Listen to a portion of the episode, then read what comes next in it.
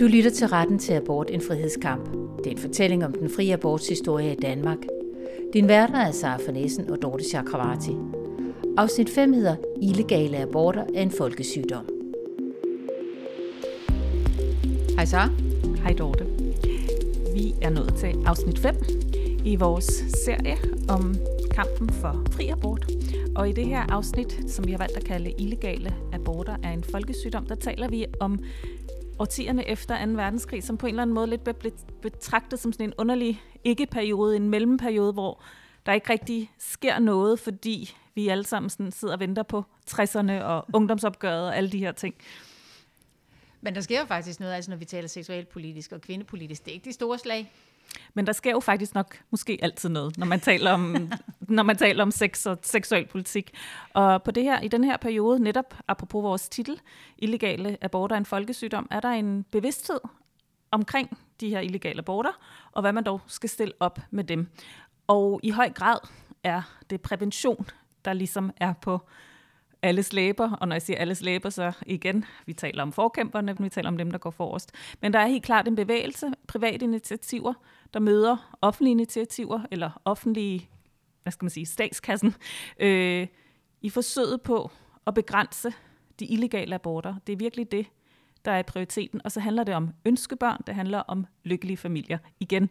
Og det er måske også derfor, vi glæder os til 60'erne, hvor det, hvor det sådan eksplicit handler om, at man skal have, man skal være, altså netop eksplicit handler om en seksuel revolution, hvor man kan fyre den af, så handler det i høj grad her om børnebegrænsning inden for ægteskabets rammer, og selvfølgelig så en begrænsning af de illegale aborter. Så det handler om møderhjælpen, og det handler om... Kvindelige Lærers Klub og Foreningen for Familieplanlægning. Og inden vi kaster os ud i det dyb, så skal jeg lige sige en ting, at vi er jo så heldige, at der er mange, der har lyttet med, og det er vi super glade for, at der er nogen, der vil være med her. I den forbindelse, der skal jeg bare lige sige, at de her podcasts, de bliver blandt andet sendt ud på SoundCloud, men de kan også findes alle mulige andre steder, hvor man plejer at finde sine podcaster. Det vil altså sige Podimo, det vil sige Spotify, det vil sige, hedder det ikke Apple Podcast, whatever, alle mulige steder. Yes. Altså det burde være derude i felten, og man skal så enten søge på titlen, retten til abort, eller på mit navn, Dorte Chakravarti, men der er det nok alligevel lidt nemmere med retten til abort. Vi skal videre, og øh, jeg tror, det vi skal tale om, så det er, vi skal lige et lille bitte smut tilbage til 30'erne, som vi jo har været meget glade for at være i den her mellemkrigsperiode, men lige helt ABC-agtigt.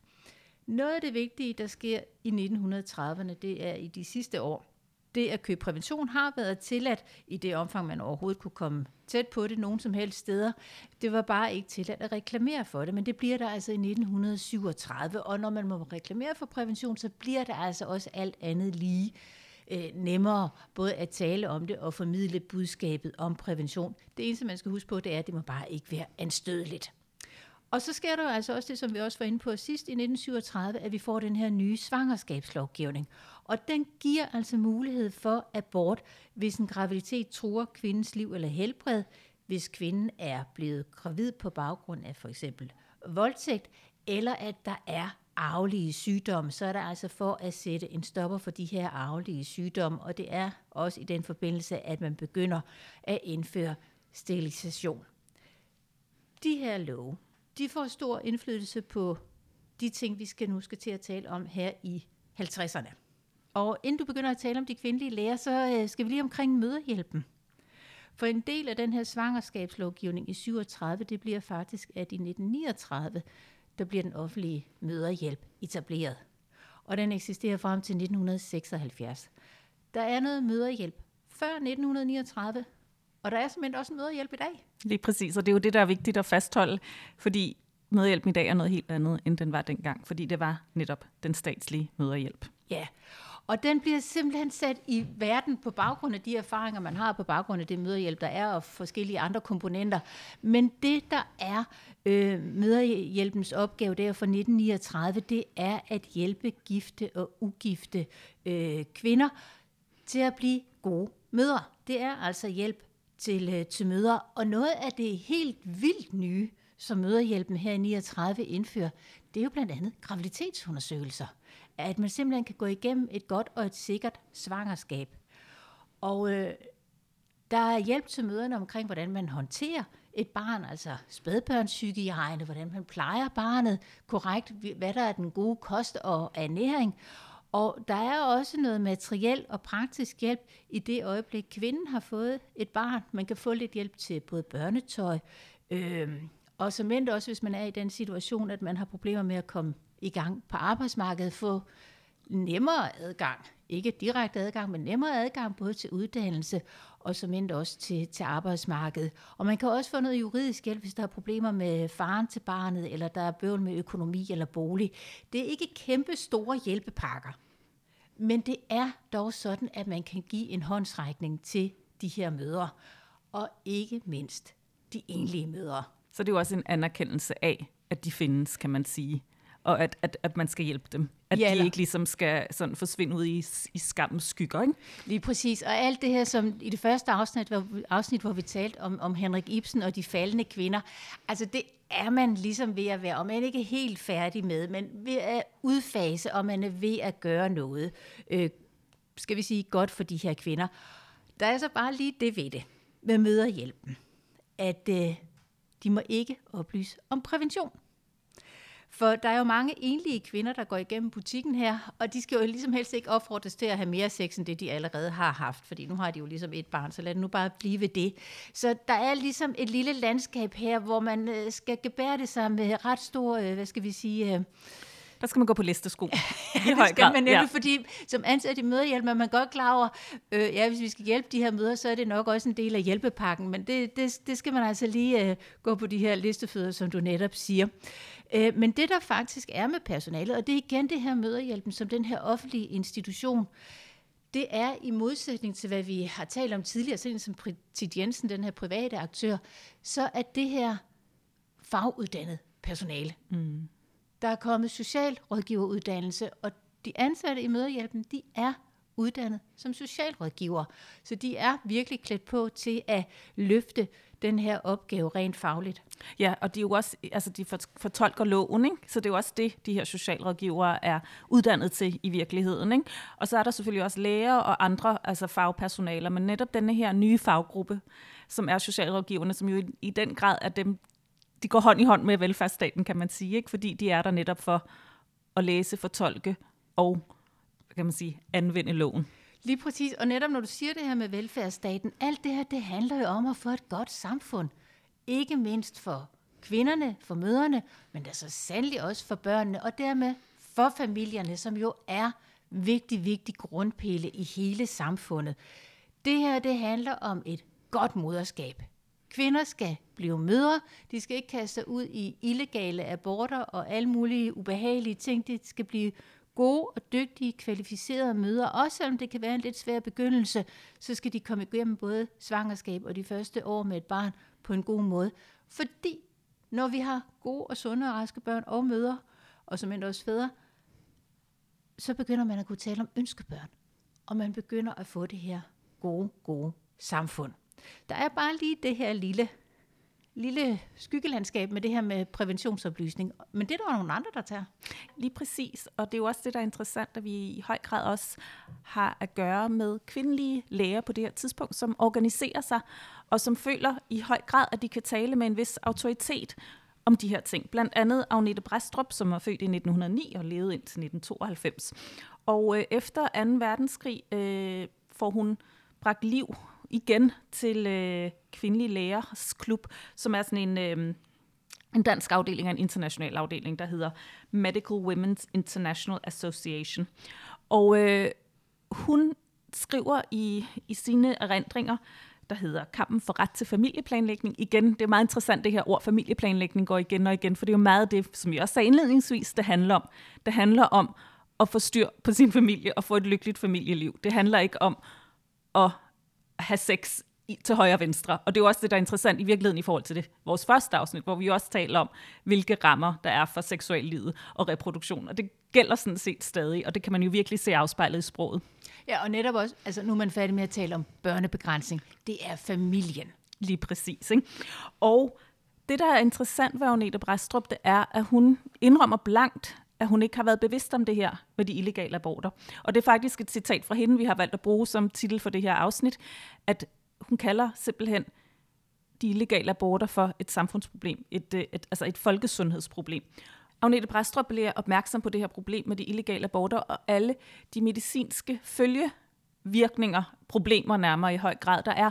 Og det går op for hende, at de kvinder, hun har dyrket gymnastik med, og hun har lagt mærke til de her stolpeben, som hun kalder dem, og at det her har været en, en, en alvorlig bivirkning af aborter, der ikke er, der måske ikke er gået galt. De, er, de her kvinder, det lykkedes dem at få aborter, men det har haft de her øh, eftervirkninger af alle mulige slags vand i kroppen, alt mulige netop medicinske problemer. Og lige så snart hun beskriver det her med, lige så snart hun får øjnene op for det, kan hun se altså effekten af de illegale aborter, som altså mærker nærmest på de her kvinders kroppe. Og det er ligesom den oplevelse, der er meget øjenåbnende for hende, og giver hende det her. Altså hun er en fantastisk aktivist i virkeligheden, fordi vi er på et tidspunkt i verden efter 2. verdenskrig, hvor der er mangel på alting, og alle de her samfund i Europa, i verden, skal etablere sig på ny, finde deres fødder og finde ud af at organisere sig. Og der er også netop som sagt mangel, og der er blandt andet mangel på gummi, og det gør det lidt vanskeligt hmm. at få adgang til pessarer. Så hun skriver helt vidunderligt om denne her, altså den pessar-aktivisme, hun iværksætter. Øhm, og det er netop et samarbejde, hun indgår med Københavns Kommune om at etablere de her klinikker, seksualoplysningsklinikker. Øh, og igen, det er jo igen et tydeligt eksempel på det her private, offentlige initiativ, der går hånd i hånd.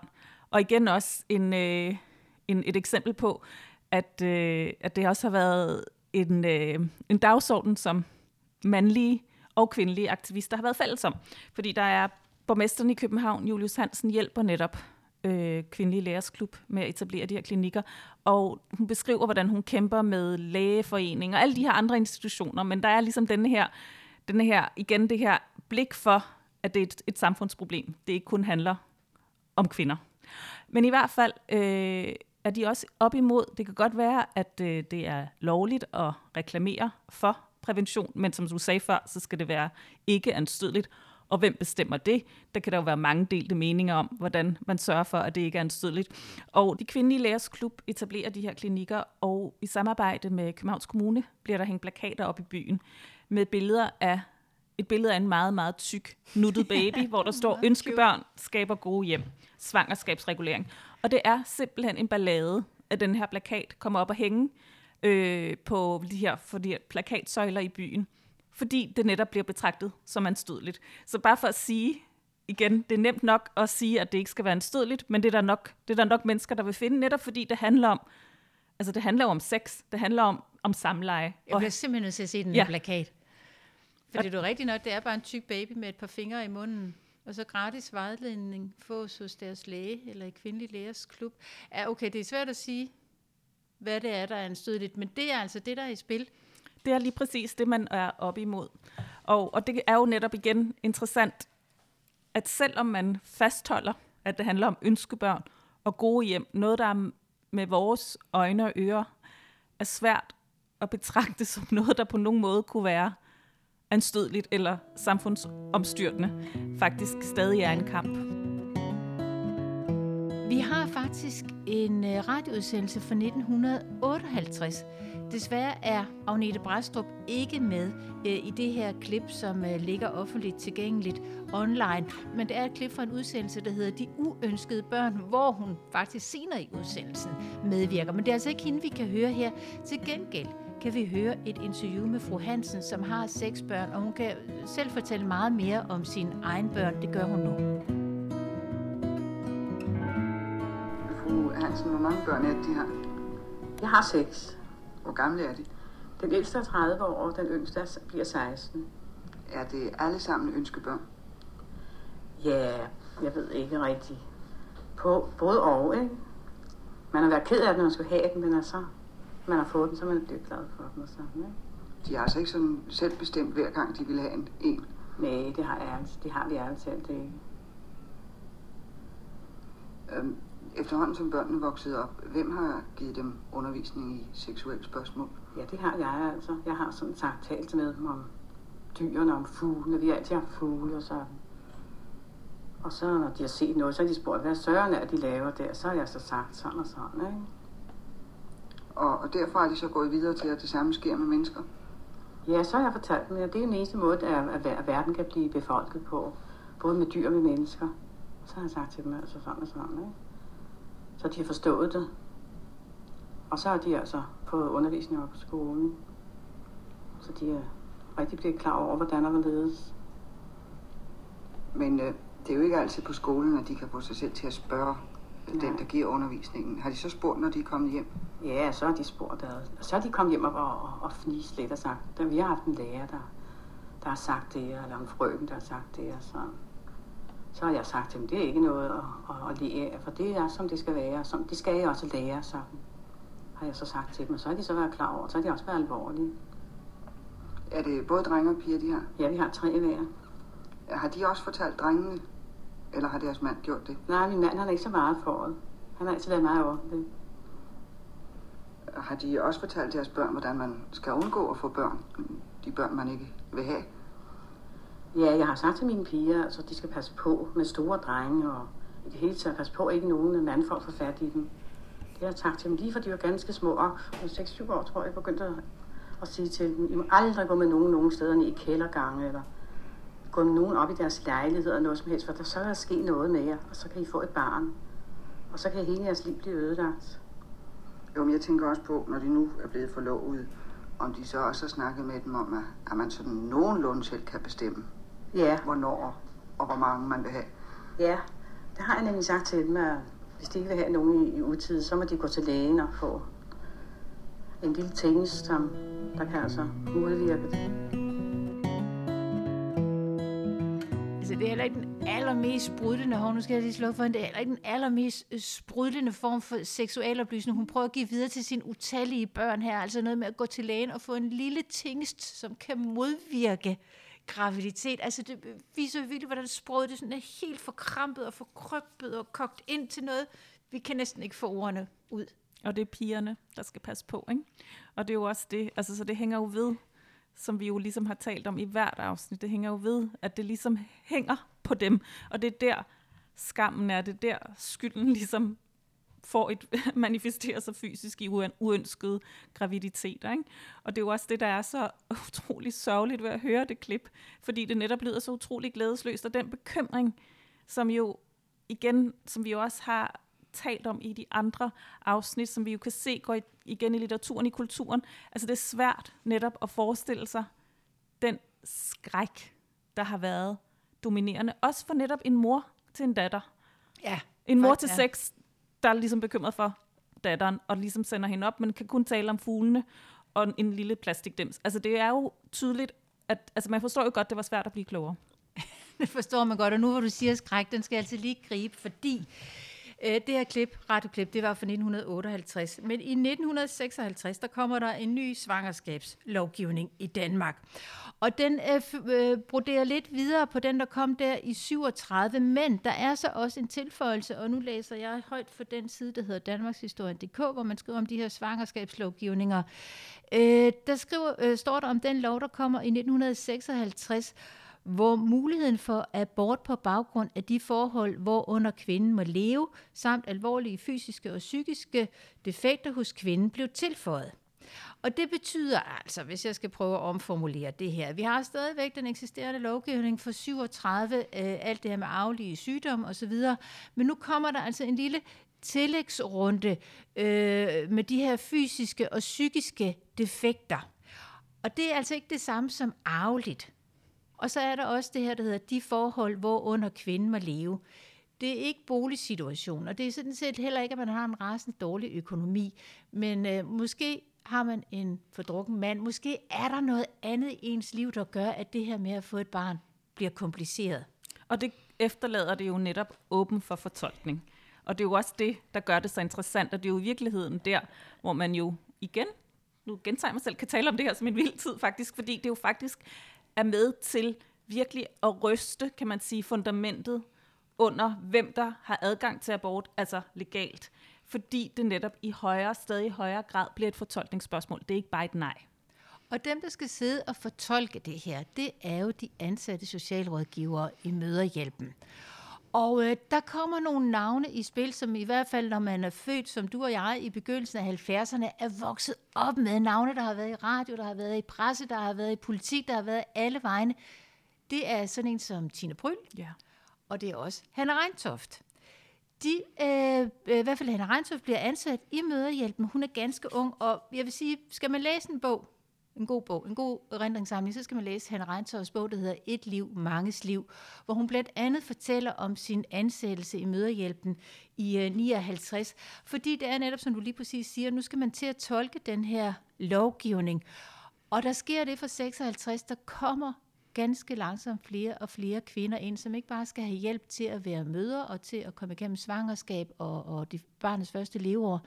Der kommer flere kvinder nu, som faktisk gerne vil have bevilget en abort.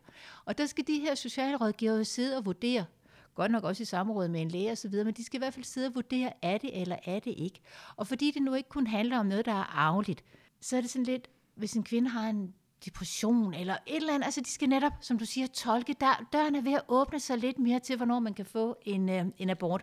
Og der fortæller han Reintoft, vi ville have elsket, at hende der fortalte det. Ja. Men det, det bliver det så ikke. Jeg genfortæller fra hendes bog her. Hun bliver ansat i øh, 59, og hun er ganske, ganske ung.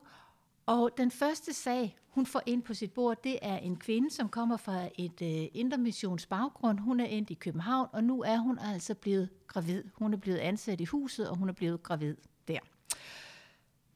Og hun er jo ugift.